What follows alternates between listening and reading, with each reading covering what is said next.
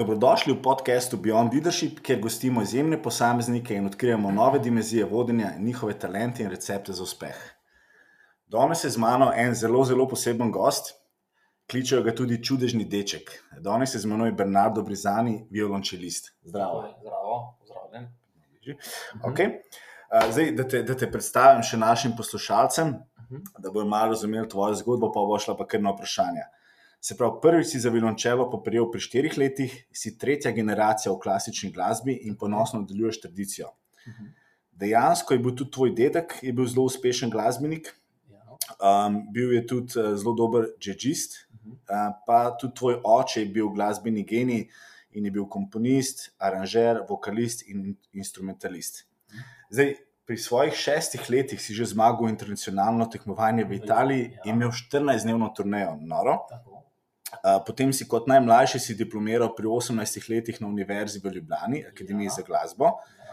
Od svojega 13. leta do 19. si tudi usporedno študiral v Firencah in svetovno, pri svetovno znani profesorici Nataliji Gutman. Leta 2010 si bil solist na Rutensheim festivalu in 2011 udeležen masterclassov na svetovni znani akademiji Kronberg v Nemčiji. Pri 19 si prejel preširno nagrado in se upisal na magisterij na priznanem verzu v Študgartu. Potem si magisterij uspešno zaključil in nadaljeval doktorat v Detmoldu, kjer si tudi z odliko končal. In potem si leta 2018 opravil audicijo v enem izmed najboljših orkestrov v Bamberški simfoniki, kjer si v bistvu sedaj tudi zaposlen, če se ne motim. Uh, samo kot akademija je bila. Kot se pravi, eno letno izobraževanje, uh, da ti da pač znanje v orkestru, neko šolo, pač neke smernice, in potem zdaj bojo pa prišle na vrsto audicije, kjer bomo videli, kako bo to potekalo. Ok, zdaj pa še, še malo takih uh, fun faktov, potem pa greva kar na malo bolj resno vprašanje. Uh -huh. Najljubši app je Instagram, najljubša hrana špageti in pa jedi žara, Ja. pa tvoji hobiji so tek in pa nogomet. Okay.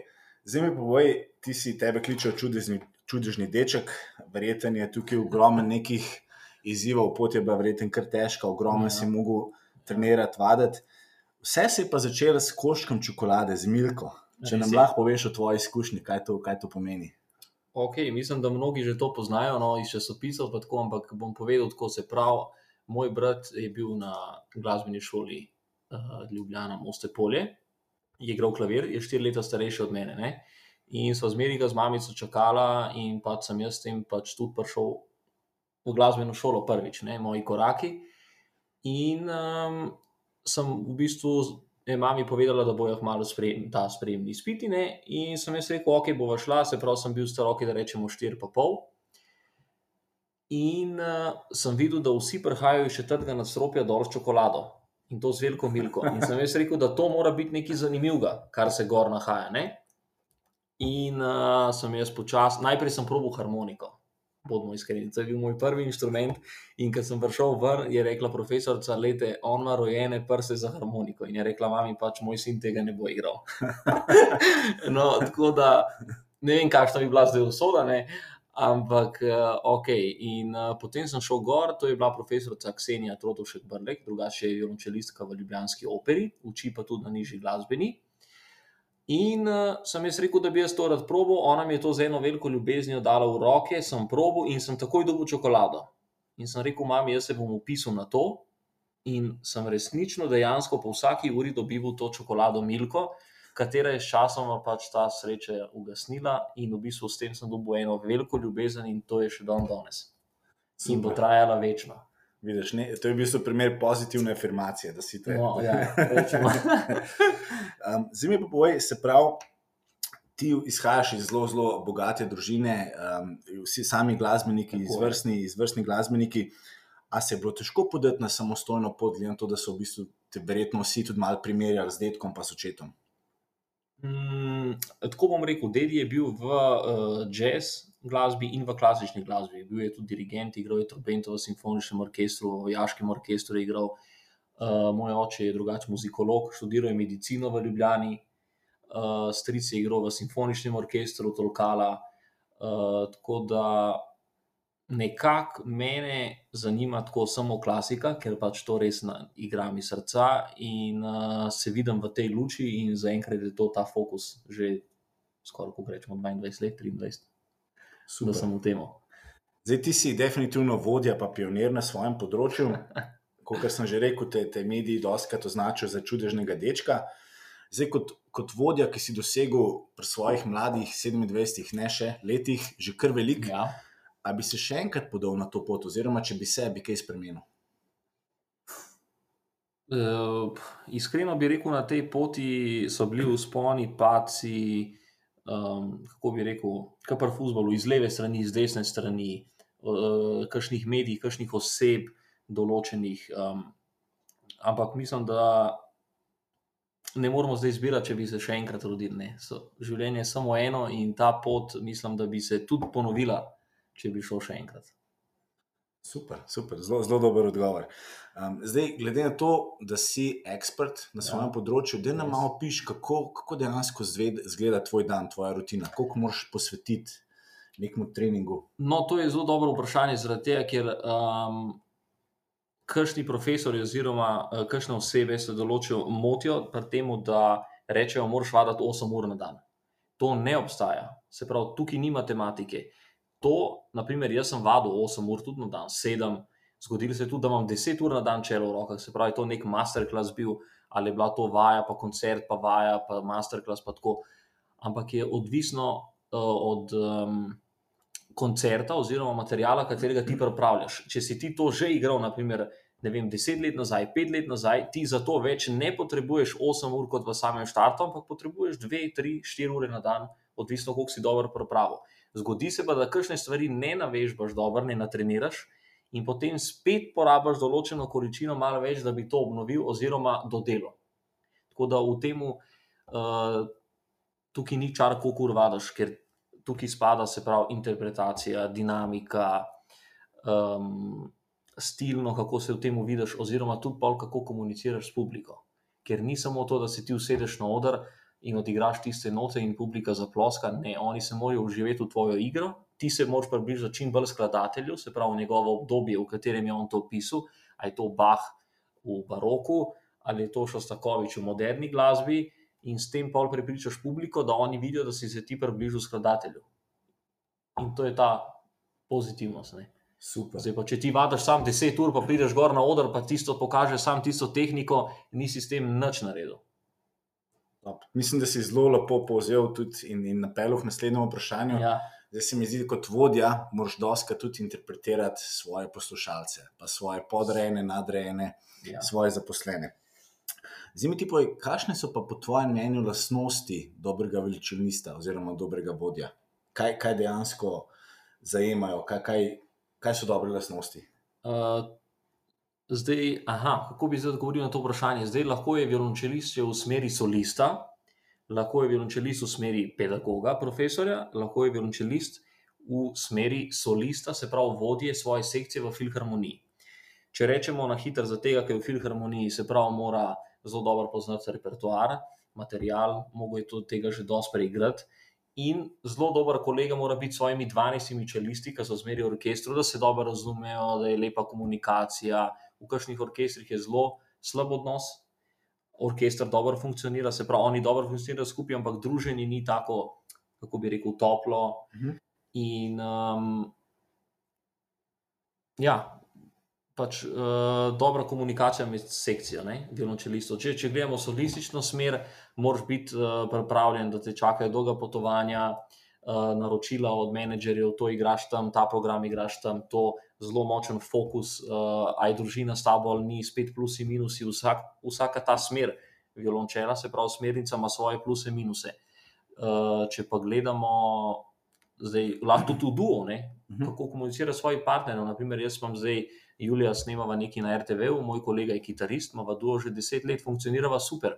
S kakšnim pianistom se nujam dobro, s kakšnim se zelo dobro, imam tudi svojega stalnega na Dunaju. Tako da je to duo, trio, kvartet, oktet, uh, v orkestru, uh, solo, oziroma karkoli v teh smerih, ne, moraš biti pripravljen na zelo eno pozitivno vejo, da gre tako naprej. Zdaj pa, če gledamo v smeri pedagoga, kar je pa najbolj pomemben, da ti daš svojemu študentu ljubezen do tega inštrumenta.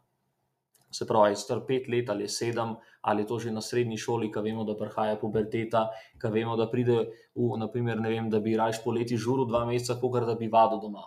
Naprimer, to sem jaz vse čez, dokler so kolegi žurali, no, tretje sem jaz zelo velik vadil in sem videl moj fokus, ki je to. Ampak to mi ga je profesor postavil, ker je rekel, septembra mora biti to, pa to, pa to narejeno. In si vedel, da s tem fokusom vežbanja boš prišel, da boš diplomiral, da boš lahko šel na magisterij če pa to vzameš zelo tako preprosto, ne prideš do teh ciljev. Mm. Tako, na kratko. No. Super. Zdaj mi povej, če malo našteješ samo par tvojih uspehov, pa me pa zanima, kaj so bile pa neki, neki izzivi ali pa neuspehi. Se pravi, pri 15 mhm. si zmagal na tekmovanju Itaka v Ljubljani, mhm. kar ti je prineslo 14 koncertov v Ameriki. Mhm. Potem si leta 2009 pa 2010 zmagal na tekmovanju Agimus v Italiji, leta 2012 si v New Yorku osvojil drugo mesto, ja. potem tudi dobil si prvo nagrado na tekmovanju Josefa Haydna, ki ti je ja, omogočil koncert v Badnu 2015. Um, se pravi, to so, to so res izjemni dosežki. Mene pa zanima, kaj so bili pa neki v bistvu izzivi ali pa kakšen tak neuspeh, ki ti je pa dol za misel, pa ti je rekel, ti je dal dodaten zagon, zdaj pa jaz to res moram naprej pelati. Mm, hm. Je bilo kaj tasga v življenju, ki si si rekel, ja, da je zgodil se je, uh, dogaja se na tekmovanjih, da naprimer, ko ti priješ na eno tekmovanje ne, in v, tem, v tej žiriji, ki je naprimer deset violončelistov, so vsi naprimer, zelo znani profesori in naprimer, med, teh, med temi profesori tvojega ni. Je to zelo težko, ker računaš, da vsak ta v komisiji ima svojih tri ali pa pet kandidatov, ali pa dva ali pa enega. In vsak svojega nekako pressing forcing naprej v prvi krog, v drugi krog, v finale, ti si tam zelo dober, uh, zelo se trudiš, odigraš in potem, naprimer, izpadeš že v prvi etapi. Ne? Je pa 3, 4, 5 etap. In pa se vprašaš, ali res nisem dobro igral, in pol ti naprimer rečejo, da ja, tukaj ni bilo to, to ni bilo dobro, mogoče to ni bilo stilno, samo zaradi tega, da pač spucajo teren, da, da njihovi lahko grejo naprej. Ampak se ne oziraš na to, življenje je dolgo, mladi smo, In gremo naprej. In gremo no, naprej. No, in zmagam naprej. Ja, tako. Super. Zdaj, tukaj si se malo navezal na, na nek feedback, ki ga dobiš. Kako je po tvojem mnenju za mladega, pa potem tudi za starejšo osebo, no, pomemben nek konstruktiven feedback? Ali je to tvojega profesorja ali mentorja, mm. da, ti skos, da ti da nek feedback, tukaj to moš popraviti, to moš izboljšati, tukaj si bil odličen. Zelo. Jaz mislim, da je to od profesorja 100% pač odvisno. Uh, in to sem jaz tudi zmeri imel, ker sem imel res zmeri top profesorje ali pa tudi te top, ki sem k njim hodil na masterklase. In v bistvu, uh, kako bi rekel, pri nas je tega malo premalo te resnosti. Oziroma, profesor nekaj reče, ja, boš to poskušal, boš to probil, da jim se boš potrudil. Pa, naprimer, to, kar rečejo, se, se, se bliža mali spit. Naprimer, to, to je nekaj, po mojem, za me najslabše, kar lahko rečeš, bliža se izpit. Se pravi, se ti pripravljaš samo za ta izpit pa pa spet nočne, pa pa spet lepo preprosto, ne bomo vadili, bomo vadili samo malo pred izpitom. V fokus mora biti vsak dan in ti sam sebi moraš postaviti cilj, danes je to, jutri je to. In ne more biti jutri slabši, vsak dan mora biti boljši. Lahko je kakšen dan slabši, uh, glede na izpeljevanje nekih tehničnih stvari, lahko je to povezano vreme s tem, lahko je malo, ne vem, pač ono personal neki. Ampak uh, zelo je pomembno od profesorja, ker ti skozi te popravlja. Ne? In tudi, kad ti delaš individualno s profesorjem, vsako uro, če imaš trikrat na teden, on te skozi popravlja, gledate, vidi tvoje sedenje, vidi tvoj napredek, vidi, da še en dan ni bilo dobro, da je dober. In, um, ampak vse to, ko potegneš črto, vidiš, da je brez profesorja je nula. Po tvojem mnenju je pomemben nek mentor v življenju. In kdo je bil v bistvu tvoj najpomembnejša oseba ali pa mentor, ki te je pripeljal do tukaj, ki si zdaj? Jaz lahko rečem, da sem imel več kot deset profesorjev, uh, mnogim to v Sloveniji ni bilo všeč, to bom direktno povedal, ker mislijo, da z enim profesorjem ostaneš cel svoj študij. In me pol zanima, kaj greš ti na en masterclass in pol vidiš tam tazga profesora in reče, ta je nekaj zanimivega povedal.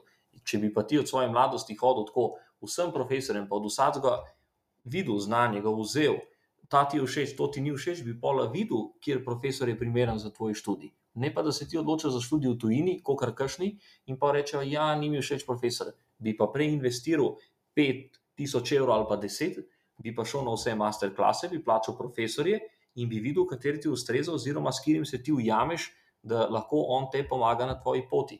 In tudi oni pol vidijo tvoj talent. Če se pa ti kar odločiš, da greš nekam, ti sigurno ne moreš sprejeti. Ne? Se pravi, si imel ti več, več kot enega mentorja. Oziroma, Deset mentorjev sem imel. Super. Sploh jih ne, ne bi mogel zdaj prešteti na prste, ampak so bili vsi vrhunski. In vz, kot naši slovenski, do uh, v tujini, do Amerike. Tako da uh, sem zmeraj imel vrhunske profesorje. In, in zakaj? Zaradi tega, ker so v meni videli potencial. In ko oni vidijo potencial, da se nekdo muči, da res gara za to, plus da je iz glasbene družine, da ima talent za to, da je odr tvoje življenje, um, te podpirajo. Super. Jaz se absolutno strinjam. Jaz vem, da tudi jaz sem v življenju zihar 3-4 mentorje in vsak mentor mi je dal nekaj, nekaj izjemnega, mm -hmm. določeno znanje in sem ga potreboval določeno obdobje, in se mi zdi, da se je kar vse lepo poklapalo. Ja. Um, zdaj pa povej, se pravi, kaj bo pa tvoj največji uspeh, na trenutek, ki si na njega najbolj ponosen? Ha, uh, najbolj ponosen. Lahko jih je več. Da sem pri 18, oziroma pri 17, pa pol, moja največja želja je bila od otroštva, mi se pravi, mi je bil najbolj všeč Dvoržakov koncert za violončelo. Uh, se pravi, to je zelo znan skladatelj, romantično obdobje Antonin Dvoržak, uh, ki ga je pisal v Ameriki in je pač imel domotožje proti svoji pač češki Evropi in karkoli. Oziroma. In uh, moja želja je bila, da to enkrat izvajam z orkestrom. Se pravi, bil sem pa študent na Ljubljanski univerzi in se pravi, sem bil že na koncu študijem in sem se prijavil na to študentsko audicijo, kdo bo nastopil za RTV Simfoniki Slovenije. In sem jaz to audicijo dubil in sem izvajal v Galosovi dvorani, Dvoržakov koncert s simfoničnim orkestrom, bil sem star 17 pa pol. Um, in um, ja, to bi rekel, da so bile pač moje sanje to, in sem jih dosegel. Ja. Ta občutek, ko prideš na oder in se začne ta koncert, dolg 45 minut, zelo obsežen v treh stavkih, uh, aranžma, poven, čelo, pač čelo pasaže, noro težke. In uh, pač, ko se usedeš, rečeš, zdaj se we start a journey. In zdaj 45 minut je tvojih in si rečeš to, kar poslušaš od otroštva, od svojega petega leta, to, in pride ta trenutek, da se usedeš, za tabo je top orkester, RTV, dirigent da znak, se začne in pot gre. Zdaj, glede na to, da si ti v, v zelo zanimivem poklicu, Mhm. um, kako pa ti poskrbiš za stres? Ker ravno ogromen eh, biznismenov, podjetnikov uh, se posveti stresu s tem, da posluša kakšno glasbo, meditira, kakšen šport. Ja. Ti pa si že v teh vodah, v, v glasbi. No, ja, jaz bi pa rekel, da sem glih v klasiki to, kar oni ful poslušajo, da jih kao meditira, pa to, da se sprošča v taki glasbi, to mene sigurno ne sprošča, ampak me v bistvu bolj še napne, da poslušaš in iščeš in rečeš, ja, tam mi uno ni bilo všeč to. Ne, uh, dam si tako pop musko, latino musko, karkoli, da ni povezan s klasiko, uh, laufam. Uh, Chill zone, taka varianta, čist neki, da ni povezan s klasiko. No. Koliko je pa kaj, glede na to, da si ti, da si ti res uh, na vrhunskem nivoju, Mhm. koliko pa pride kaj do te kakšne poklicne deformacije, ki greš ti na kakšen koncert? A Zelo hitro opaziš kakšne napake, pomanjkljivosti. Joj, to, je, to je res hudo. No. Ampak mislim, zdaj odvisno. Jaz izmeri izbiram, da grem na koncerte, ker res top uh, mojstri igrajo. Ne. In uh, ok, greš ti na kakšen koncert, kot orkester, ampak mi moramo vedeti, da klasika ni matematika. In tukaj se dogajajo zmeri napake. Vsak glasbenik, tudi meni se dogaja na koncertu napaka, ali ni tako, kot si si zamislil. To je zelo, je težko opisati. Ali se nekaj zgodi v orkestru, ampak to se tako neslišno zapakira, da publika tega ne občuti. Pa zdaj to je en res profi, profi, naprimer, kar jih je 50% publike ali pa 20%. Oni to vidijo, ampak tudi sami pa sebi vemo, da se to nam zgodi na odru. Tako da zmeri se nekaj zgodi. No. Nikoli ni popolno, niti tudi ne moreš zaigrati dvakrat isto. Pač ne more, jaz tudi ne morem zaigrati dvakrat isto. Lahko da igraš približno 99%, 100% pa ne more biti isto.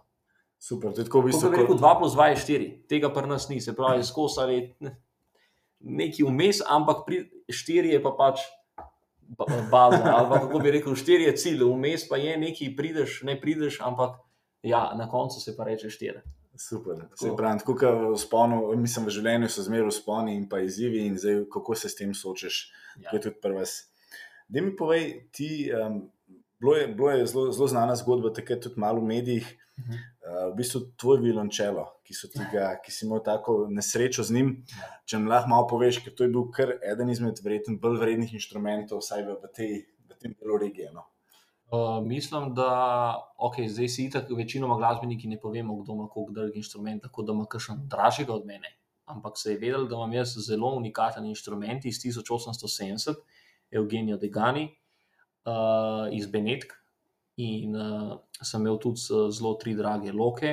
En je bil Richard Grinke, nemški, drugi je bil Frečner, nemški in zelo znan Sartori, lok, francoski, star 80-90. Zdaj ima malo številk, da bojo sploh naše številke. En lok 24 tisoč, en lok 5 tisoč, en lok 8 tisoč, uh, čelo nad 100 tisoč evrov. Nora.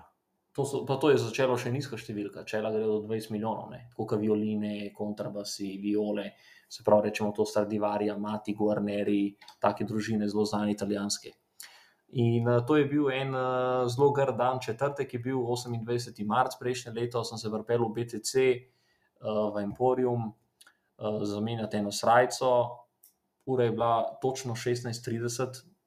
Ne vem, se zapomnim. ja, in uh, ja, to nikoli ne pozabiš. Ne. In uh, sem bil noter koliko 8 minut, sem prišel nazaj, odklenil svoj avto, se usedel, pogledal nazaj, videl, da ni inštrumenta. Predtem sem pa imel koncert uh, na Viču za eno firmo in to je bilo sredi četrtek, petek in to se je gdek v četrtek zgodil. In uh, sem klical tja in sem rekel, da zgodi se, da glasbeniki pozabimo neki inštrument, ker se pozdraviš v notretje, ok, jaz grem.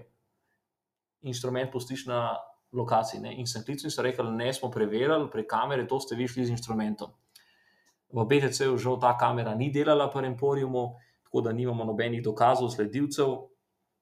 Uh, Približujem, da so to kašni fanti, in uh, zdaj okay. nimamo kaj. Ne, ja.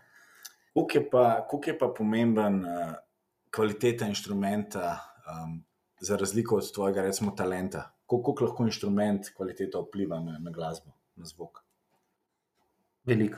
V bistvu, če pogledamo vsa ta mladina, ki hodi na tekmovanja ali pa na kakšne audicije, pogledamo, da vem, lahko primerjamo uh, Avstrijce, Nemce, Francoze. To so vse neke družine ali pa imajo neke fundacije, ali pa naprimer v Švici je tega tudi veliko kjer dajo mladim te inštrumente v posojo in jih igrajo, lahko da je to doživljenjsko, potem ga vrneš in ga ta banka Aha. proda. V Sloveniji tega ni in to ni nikoli obstajalo. Jaz sem prvi violončelist v Sloveniji, da mu je KD Group banka kuplačela. Matjaš Gantar, pokojni, eh, mi je preskočil na pomoč pri mojih 18. In uh, so v bistvu prvi, ki so s tem začeli, oziroma da so šli v to, ker to pri nas ne poznajo v Evropi je to zelo znano, da se pravi neka banka, ki ima veliko denarja, kupi nek inštrument, je to violina, čelo viola in ga da v tej državi najboljšemu umetniku v uporabo, da ima on to v času študija tekmovanj, ker je zelo pomemben. Ti, ki priješ na tekmovanje, ima en čeliš čelo za pol milijona, za milijon. In ti si lahko še toliko dober, ampak nimaš tazga zvoka. Ne prodiraš v publiki, ne prodiraš, in uh, se zgodi, da tudi zaradi tega pač izpadeš. Tako da je zelo pomembno, poleg talenta, truda, ustrajnosti, da imaš tu zelo dober inštrument. Super. Zdaj, ti moraš biti verjeten, kar dosti konsistenten, pa me mene zanima, ogromen uspešnih uh, liderjev vodi na svojih področjih, ima določene mhm. dnevne rutine. Ja. Amaš ti tudi kakšno vem, rutino, da ob šestih se zbudiš, da greš teč? Ne vem, tako, če nam malo pišeš tvoj dan. Uh, ja, dnevna rutina, naprimer, že od 18 let, se pravi, odkar sem se preselil v tujino, je tako, da v bistvu jaz že po naravi zelo zgodaj vstajam. Sem jutrni človek, tako da vstanem tam vem, uh, 6:30, ajde do 7, najkasneje, um, kavico zajtrk, na hitro gremo odlaufati, kakšnih 5 km, uh, in potem začnem vaditi uh, od 9 do 1, kosilo, malo pauzice, popoldne še 3-4 urce, zvečer druženje s prijatelji.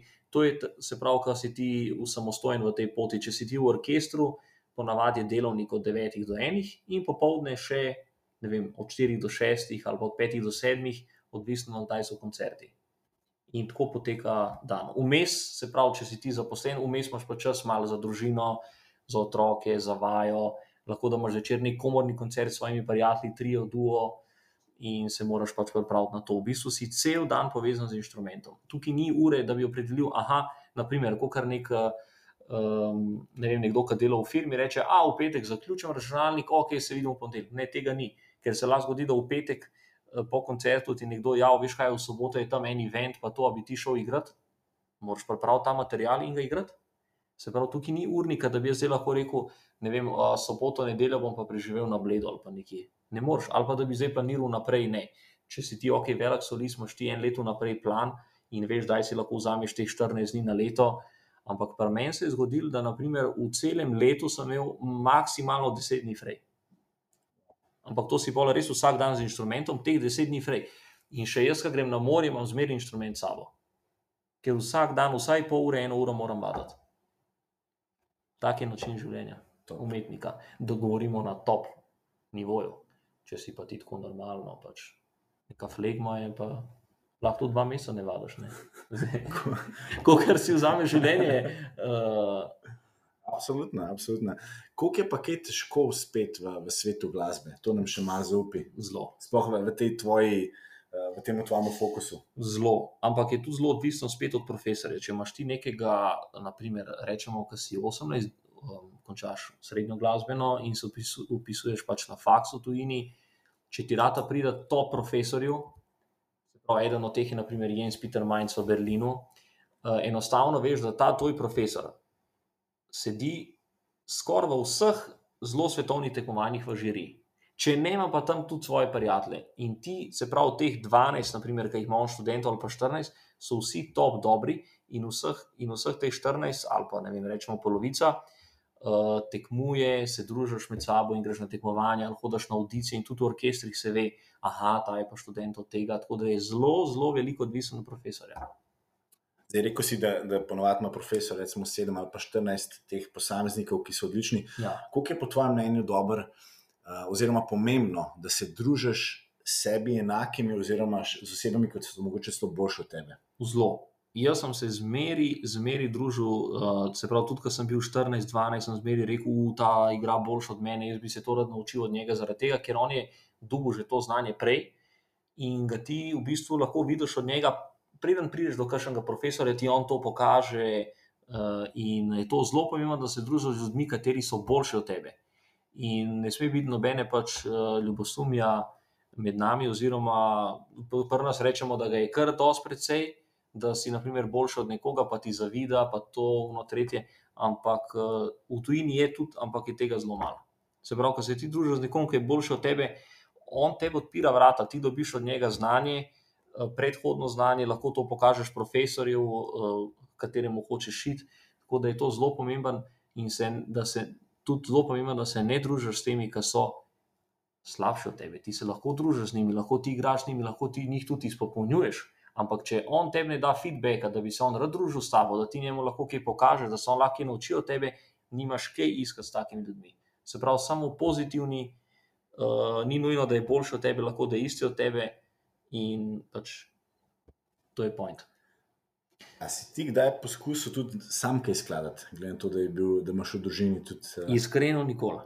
To me ni zanimalo. Um, zelo dobro interpretiram to, kar je napisano, tudi moj oče, kar napiše, jaz izvajam.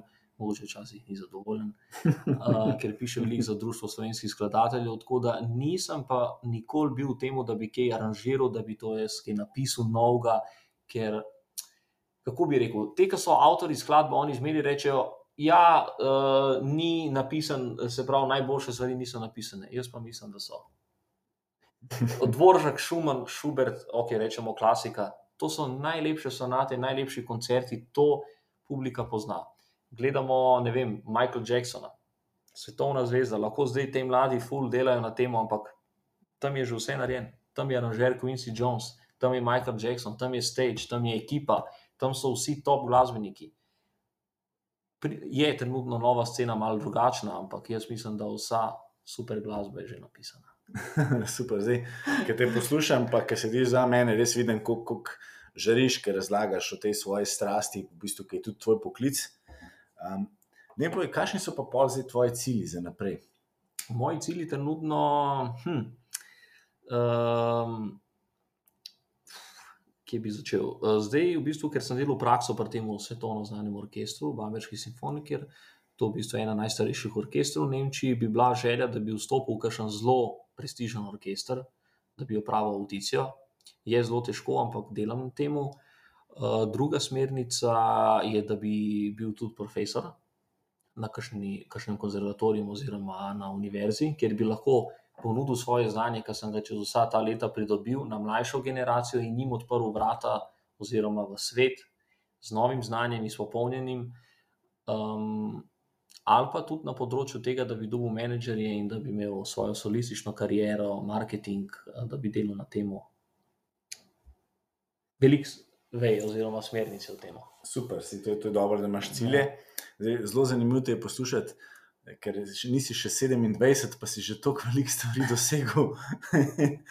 res, zelo, zelo zanimivo. No? Tako da jaz sem res zelo vesel, da, da, da smo danes ja, uspela, uspela to posneti. Ja.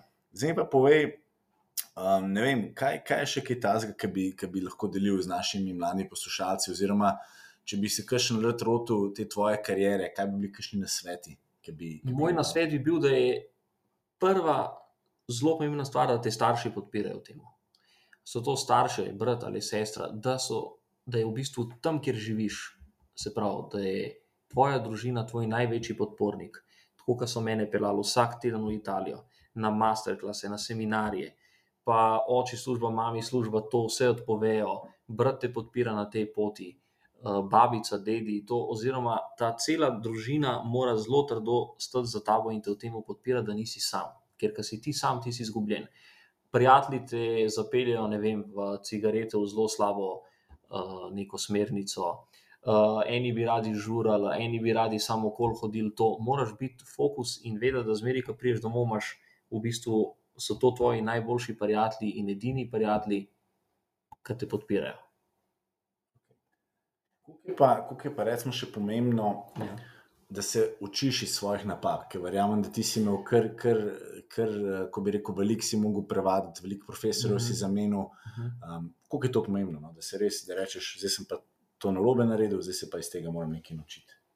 Ja, jaz, če gledam sebe, sem pač tako, kot sem že prej rekel, sem veliko profesorjev, bilo je veliko dobrih stvari, malo slabih stvari. Uh, v državi, zlo, v Sloveniji, se pravi, v Republiki, me je zelo veliko ljudi podpiralo. Uh, pustimo tiste, ki mi nismo. Okay, to, to ima vsak ima svoje pluse in minuse, na te se ne oziramo. Gledamo na te, ki so me res podpirali na moji tej glasbeni poti, ampak bi rekel, da iz napak svojih sem se tudi zelo veliko naučil. Se pravi, to gledamo vem, na kakšnih koncertih, na kakšnih seminarjih. Pa sem imel neko čist drugačno predstavo o tej skladbi, ker sem jaz mislil, da, to, da to tako mora biti. Pa si star 16-17, pa misliš, ja, jaz znam najboljš, jaz mislim, da to tako ne. Pa ti v bistvu profesor razloži, da to ni tako, da ima on prav zaradi tega, ker ima tudi več znanja in je to že večkrat preigral na odru. To je ta problem, ker mi mislimo, ne vem, uh, da me en kratek primer um, ne vem, neka pasaža, ki igraš v sonati, imaš ti nek svoj prstni red in misliš, da ja, ta je dober. In ti profesor pokaže svojega, in ti rečeš, ma ne, meni gre moj boljši. In ti on reče, ne, nauči ti mojega, ker moj je že preigran 30, 40, 50 let na odru in je milijon procentov, da ne bo zgrešil. In se je zgodilo, da sem jaz igral svojega in sem zgrešil. Doma sem bil pa siguren, kar pomeni, da ni bil dost preigran na odru pred publiko. Uh -huh. In ni milijon procenten, je sto, ampak ni milijon in pol vidiš, probaš njegovega in vidiš, da na odru res ta funkcionira. To pomeni, da so te napake, se pravi, lahko imaš ti prav, ampak profesor ima zmeri prav. Super, se pravi, oseba, ki ima več izkušenj. Oseba, ki ima več izkušenj, več znanja in več prakse na odru. To je pomembno. Zdaj, ena zelo zanimiva stvar, ki si tudi omenil, ja. da je tvoj najljubši podjetnik, je, eh, se pravi, bivši predsednik uprave BTC-ja, Jože Mrmal. Ja, jaz sem na tem področju, nisem zelo, pač, kako bi rekel, ne, ne ukvarjam se s tem podjetnikom, ampak eh, ga sledim, spremljam. Uh, sem ga prvič poznal leta 2007, je bil na mojem koncertu v Hermes Softlabu. To je bil direktor gospod Rudi Bric, tudi eden izmed mojih sponzorjev v mojem samem začetku in me zelo podpiral na moji glasbeni poti. Um, in tako sem jaz prišel v BTC, pokazal vse svoje dosežke in sem uh, iskreno povedano, za te moje seminarje to je bilo zelo drago. In me je BTC celo finančno podprl, in gospod Jože Mermal mi je dal štipendijo, katera je trajala 7-8 let. Super. Tako da sem jim zelo pomagal na moji poti. Um, smo se zelo dobro ujeli, smo zelo dobri prijatelji, ga zelo cenim in uh, mislim, da je človek, ki razume glasbo, kater me podpira in mi tudi trenutno zelo pomaga v tej moji situaciji, da sem inštrument kupil in log, da lahko naprej nadaljujem svojo glasbeno pot. In um, mislim, da je to eden izmed redkih ljudi, da me, da me tako podpira in da res verjame vame. Super. Zdaj, jaz sem bil v BTC-u kar nekaj časa ja. In vem, da BTC je bil zmer res en unikum v, v slovenskem prostoru, ki smo res zelo, zelo radi podpirali mlade talente, pa, pa veliko vlagali v umetnost, v razvoj glasbe. Tako da res, res sem vesel. Zdaj imam pa še eno. eno ja. A, še nekaj sem hotel zelo pomembnega povedati, ker smo že bili pri gospodu Mermalu. Um, Med drugim je bil tudi gospod Zoran Jankovič, župan Ljubljana, ki mi je pomagal, pa KD Banka, pa Rotary Group. In uh, kakšni ljudje, določeni so rekli, ja, zakaj, zakaj pa ima toliko pomoči vse to. Ampak jaz sem zmeri rekel, določenim so pomagali, niso pokazali rezultatov. Jaz sem pa diplomiral, prešel, magistriral, doktoriral in vsa ta, vsa, vsa ta denar, ki je bil vložen v mene, od staršev, strani sponzorjev, je realiziran.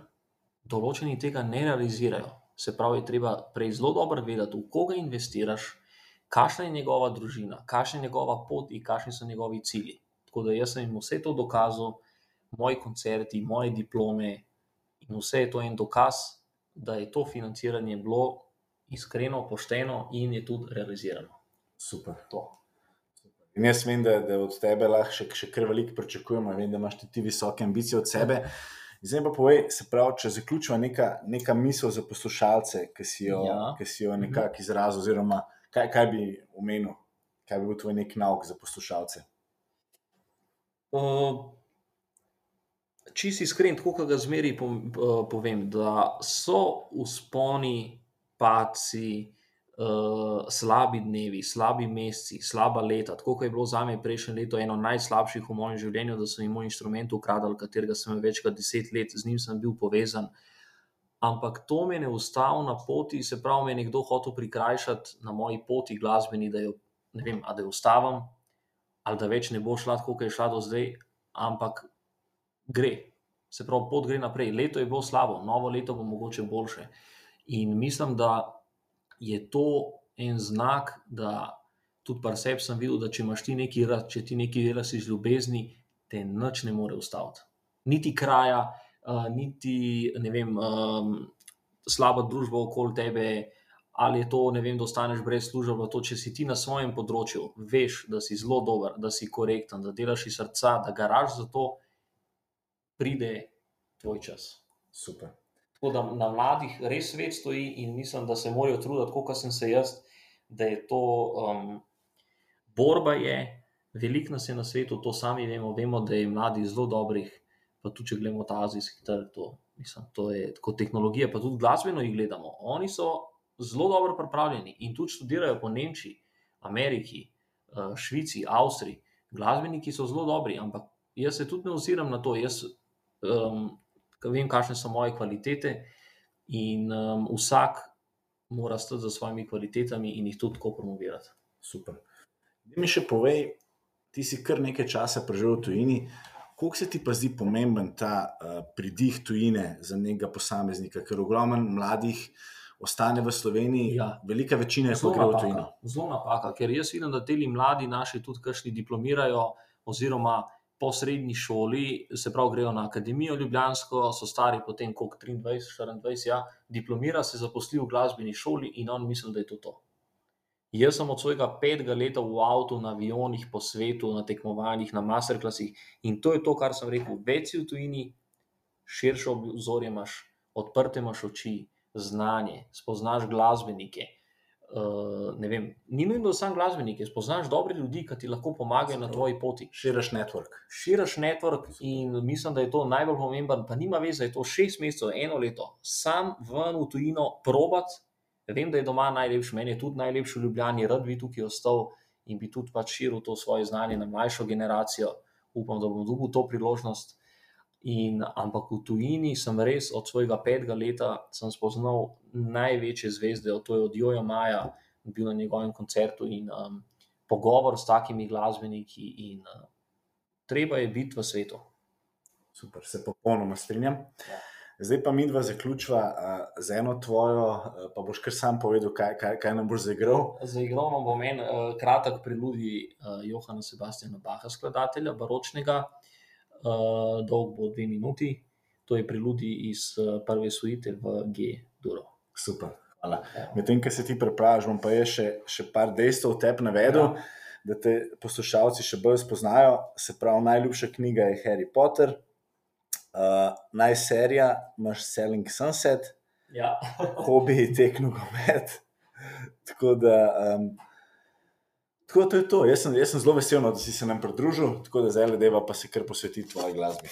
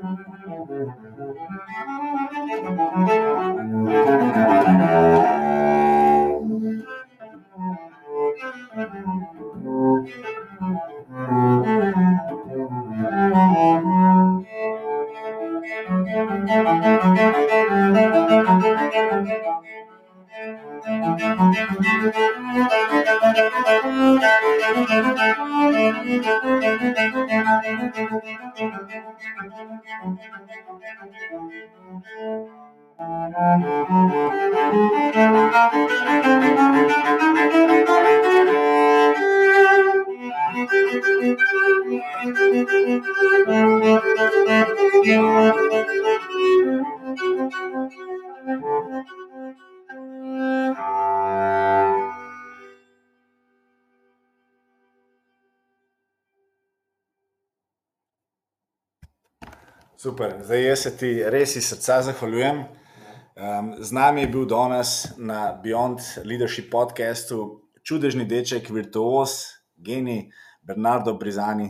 Tako da hvala ti. Hvala tudi vam.